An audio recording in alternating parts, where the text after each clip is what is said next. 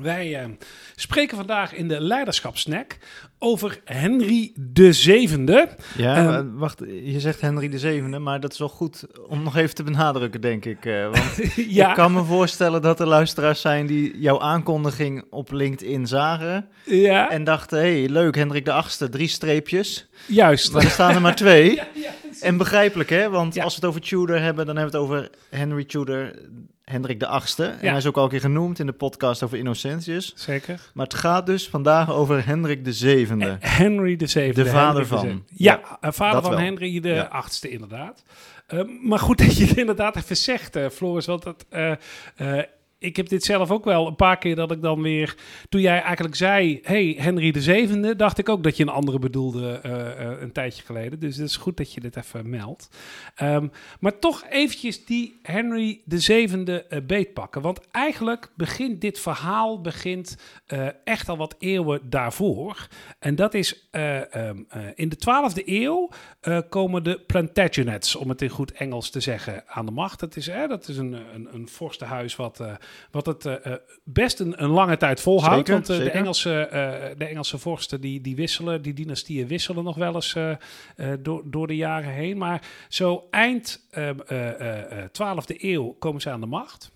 Uh, maar uiteindelijk, zoals dat gaat met van die dynastieën, komt daar natuurlijk uh, de klad in. Is er altijd gedonder. gedonder. En dan is er een, een, een, een broer die toch meent een betere claim te hebben dan, uh, dan zijn oom. En er, nou, een vrouwelijke lijn die al dan niet iets oplevert. Nou, zoals dat dan gaat. Um, Alsof en, je Game of Thrones kijkt, eigenlijk. Nou, eh? is hier volgens mij ook uh, zeker op gebaseerd. Hè? Ik bedoel, niet okay. alleen... Uh, nou, niet op deze oorlog, maar überhaupt op, op Engeland en al zijn vorsten, et ja. Dus, ja. um, maar e even terug. want wij gaan namelijk naar het einde van wat de Rozenoorlog heet. Ja. Um, en die Rozenoorlog, dat is eigenlijk de strijd tussen uh, uh, twee takken van die uh, Plantagenets. en dat zijn de Yorks, die later een witte roos, hè, die een witte roos voeren. En daar zijn ze later ook bekend geworden. En de Lancasters met hun rode roos. Um, en um, nou, dat, dat gaat een, een, een dertigtal jaar gaat dat er flink op. Zoals dat ging aan het einde van de middeleeuwen. Um, hè, daar wordt uh, flink wat gemoord. En uh, nou, uh, kroningen hier en daar op van allerlei plaatsen. Ja. En steeds andere vorsten. en die, die Rozenoorlog wordt als het ware beslecht door Henry VII. die komt uit Frankrijk. Uh, weet zich gesteund met name door het zuiden van Engeland en dan uh, specifiek in Wales heeft hij veel uh, aanhangers. Dus hij landt ook vanuit Frankrijk, landt hij halverwege de, de 15e eeuw landt hij in Wales. Um, en daar levert hij slag, levert hij slag met Richard III, de dan zittende vorst. Uh, wint die slag. Richard is ook, uh, dat is wel leuk, de laatste Engelse vorst, de laatste Britse vorst moet ik uh, zeggen, die, die op het slagveld sneuvelt. En ja, daarmee zet hij die Tudor-lijn als het ware in gang. Nou, en die kennen we inderdaad van, van grootheden als Henry de, de achtste en Elizabeth de eerste en dat soort namen. Dus dat is hij heeft mooi werk verricht, maar het heeft wel wat voet in aarde gehad, zullen we maar zeggen. Ja, en, en dat vind ik nou ook juist alweer ja, interessant aan Hendrik de Zevende. Ik bedoel, ja, Hendrik de Achtste die nam gewoon eigenlijk de positie van zijn vader in. Mm -hmm. Maar Hendrik de Zevende moest zijn positie eigenlijk veilig stellen. Je, je zei al, tijdens die rozenoorlogen was de kroon wel vaker gewisseld. Ja. Maar hij slaagde erin om ook echt aan de macht te blijven. Ja. En eigenlijk een nieuwe dynastieke lijn uh, te ontwikkelen, de Tudor-dynastie. En ja, hoe, hoe heeft hij dat nou gedaan? Hoe, ja. Ja, hoe, hoe vestig je nou een succesvolle dynastie? En er zijn eigenlijk best wel slimme dingen die Henry de Zevende heeft gedaan. Het is wel leuk om even wat, wat dingen te vertellen. Het eerste Graag. wat hij bijvoorbeeld deed, ja, het is heel, heel bazaal. Hij trouwt met de dochter van het huis van York, ja. Elizabeth. Dus ja, door zijn huwelijk verenigde die letterlijk Ja. het huis van York met het huis van Lancaster.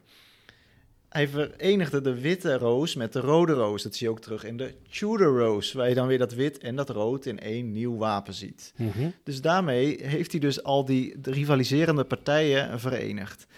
Maar dat, dat kan natuurlijk niet alles zijn. En het tweede wat hij, wat hij goed doet, denk ik, is dat hij eh, gratie schenkt. Mhm. Uh, hij gaat er niet gelijk weer uit uh, wraak op losmoorden. Als een, hè, nou, dat kon ook niet meer, want het was zijn familie eigenlijk geworden. Maar hij zegt ook van nou, als je gewoon trouw zweert aan mij als nieuwe vorst, prima, dan hoef je ook niet meer te vrezen voor je leven. Nou, dus dat is iets. En wat hij ook doet, is dat hij gewoon stabiliteit brengt. Ja. En, en hoe doet hij dat? Hij zegt, we gaan geen oorlog meer voeren, ook niet met het buitenland. Nou, uh, ik hoef jou niet te vertellen, Christian, als fan van de boeken van Thea Beckman bijvoorbeeld, dat Engeland en Frankrijk toch een redelijk uh, turbulent verleden hebben qua oorlogsvoering. Nou, wat, Toen nog vrij recent ook allemaal. Uh, redelijk, ja. zeker. Nou, ehm, Henry VII zegt, we sluiten gewoon handelsverdragen met Frankrijk. Dan hoeven we daar in ieder geval geen zorgen meer om te hebben. En we hebben een goede afzetmarkt voor onze katoenindustrie. Industrie is natuurlijk wat gedateerd of uh, ja. anachronistisch moet ik zeggen. Maar goed, hè? Dus dat, dat deed hij. Dat, dat brengt gewoon rust in het land. En dat deed hij eigenlijk ook um, um, door een verbond te sluiten met het grote Spanje van die tijd. Want wat deed hij? Hij liet zijn dochter Arthur trouwen met Catharina van Aragon. Ja. Zijn zoon. Zijn zoon Arthur. Ja, met, uh, een goede toevoeging. En eh, Catherine van Aragon kennen wij natuurlijk ook als de vrouw van Hendrik de Achtste. Mm Maar zij was eerst gehuwd met de broer van Hendrik de Achtste, de oudere broer, namelijk Arthur. En dat was een neef van de latere keizer Karel V een nicht, uiteraard, van de latere keizer Karel V. En daarmee had hij dus ook al een verbond met Spanje. Dus eigenlijk de, de grote macht op het Europese vasteland uh, wist hij op die manier voor zich te winnen. En hoefde hij dus niet bang te zijn voor oorlog. Dus hij, schonk, hij zorgde echt voor stabiliteit, gericht op economische groei. Um, en vervolgens, uh, het laatste wat hij deed was uh, nog een zekere, en dat is natuurlijk, dat deden meer mensen in die tijd, een zekere verdeel- en heers uh, Eh, prima, hou je koest. Eh, je krijgt daar een stuk land. Eh, doe wat je wil, maar val mij er niet mee lastig. Hè? Dus dat zorgt natuurlijk ook voor een zekere wederzijdse afhankelijkheid. Ja. En ik denk, ja, dat, dat is toch wel nou, knap dat hij dat voor elkaar kreeg. Zeker na de, zulke bloedige oorlogen als de, als de Rozenoorlogen. Ja. Hey, en, en als we nu de slag maken naar wat je hier als hedendaagse leider of veranderaar... of wat je dan ook wil zijn uh, wat kun je hier voor lessen uittrekken wat jou betreft? Nou, die vraag wil ik eigenlijk aan jou stellen. Want weet je, we hebben het er gehad over hoe je, uh, hoe je dan dus nou, twee huizen bij elkaar voegt, stabiliteit creëert in het land. Nou, jij komt bij heel veel bedrijven. hoe, hoe, overwin je verdeeldheid? Dat, die vraag kwam eigenlijk in mij op. Hoe, hoe zou je dat heden ten dagen doen? Nou, en wat, wat wel heel leuk is, is ik zeg dat ook wel vaker. heel veel van die uh, platgetreden paden zijn dat niet voor niks. Hè, wat, wat, jij beschrijft over zoiets heel simpels als die twee rozen. Hè? Want die waren symbool, en dat is uh, misschien later historisch wel wat overdreven, maar um, die, die witte en die rode roos, die waren gewoon zichtbaar. En je kon dus zien waar je van was. En dat maakt een soort verdeeldheid. En als je natuurlijk in iets wat je samen te smeden hebt, nieuwe symboliek maakt, ja, dat is gewoon heel krachtig. En dat, er zijn mensen die daar makkelijk doorheen prikken. Hè? Zo van, ja, nee, dan krijgen we nieuw... Flauwekul. Ja, bedrijfs... Ja. Hè? Ja. Bijvoorbeeld, nou, uh, uh, gemeentelijke fusies, waar jij zelf natuurlijk ook... Uh, jij werkt ook bij een gemeente die een paar jaar geleden is gefuseerd. Ja, dan krijg je een nieuw logo met nieuwe kleuren. Maar dat heeft een waarde, omdat dat namelijk ook betekent... dat mensen zich daar weer ja. ja een beetje achter dat nieuwe vaandel kunnen scharen. En dat is niet bedoeld als goedkopig uh, uh, labmiddel. En kijk eens, uh, wat zijn dit voor leuke knikkers voor de kinderen om mee te spelen. Maar gewoon ook oprecht dat je wat afstand kunt nemen van het oude.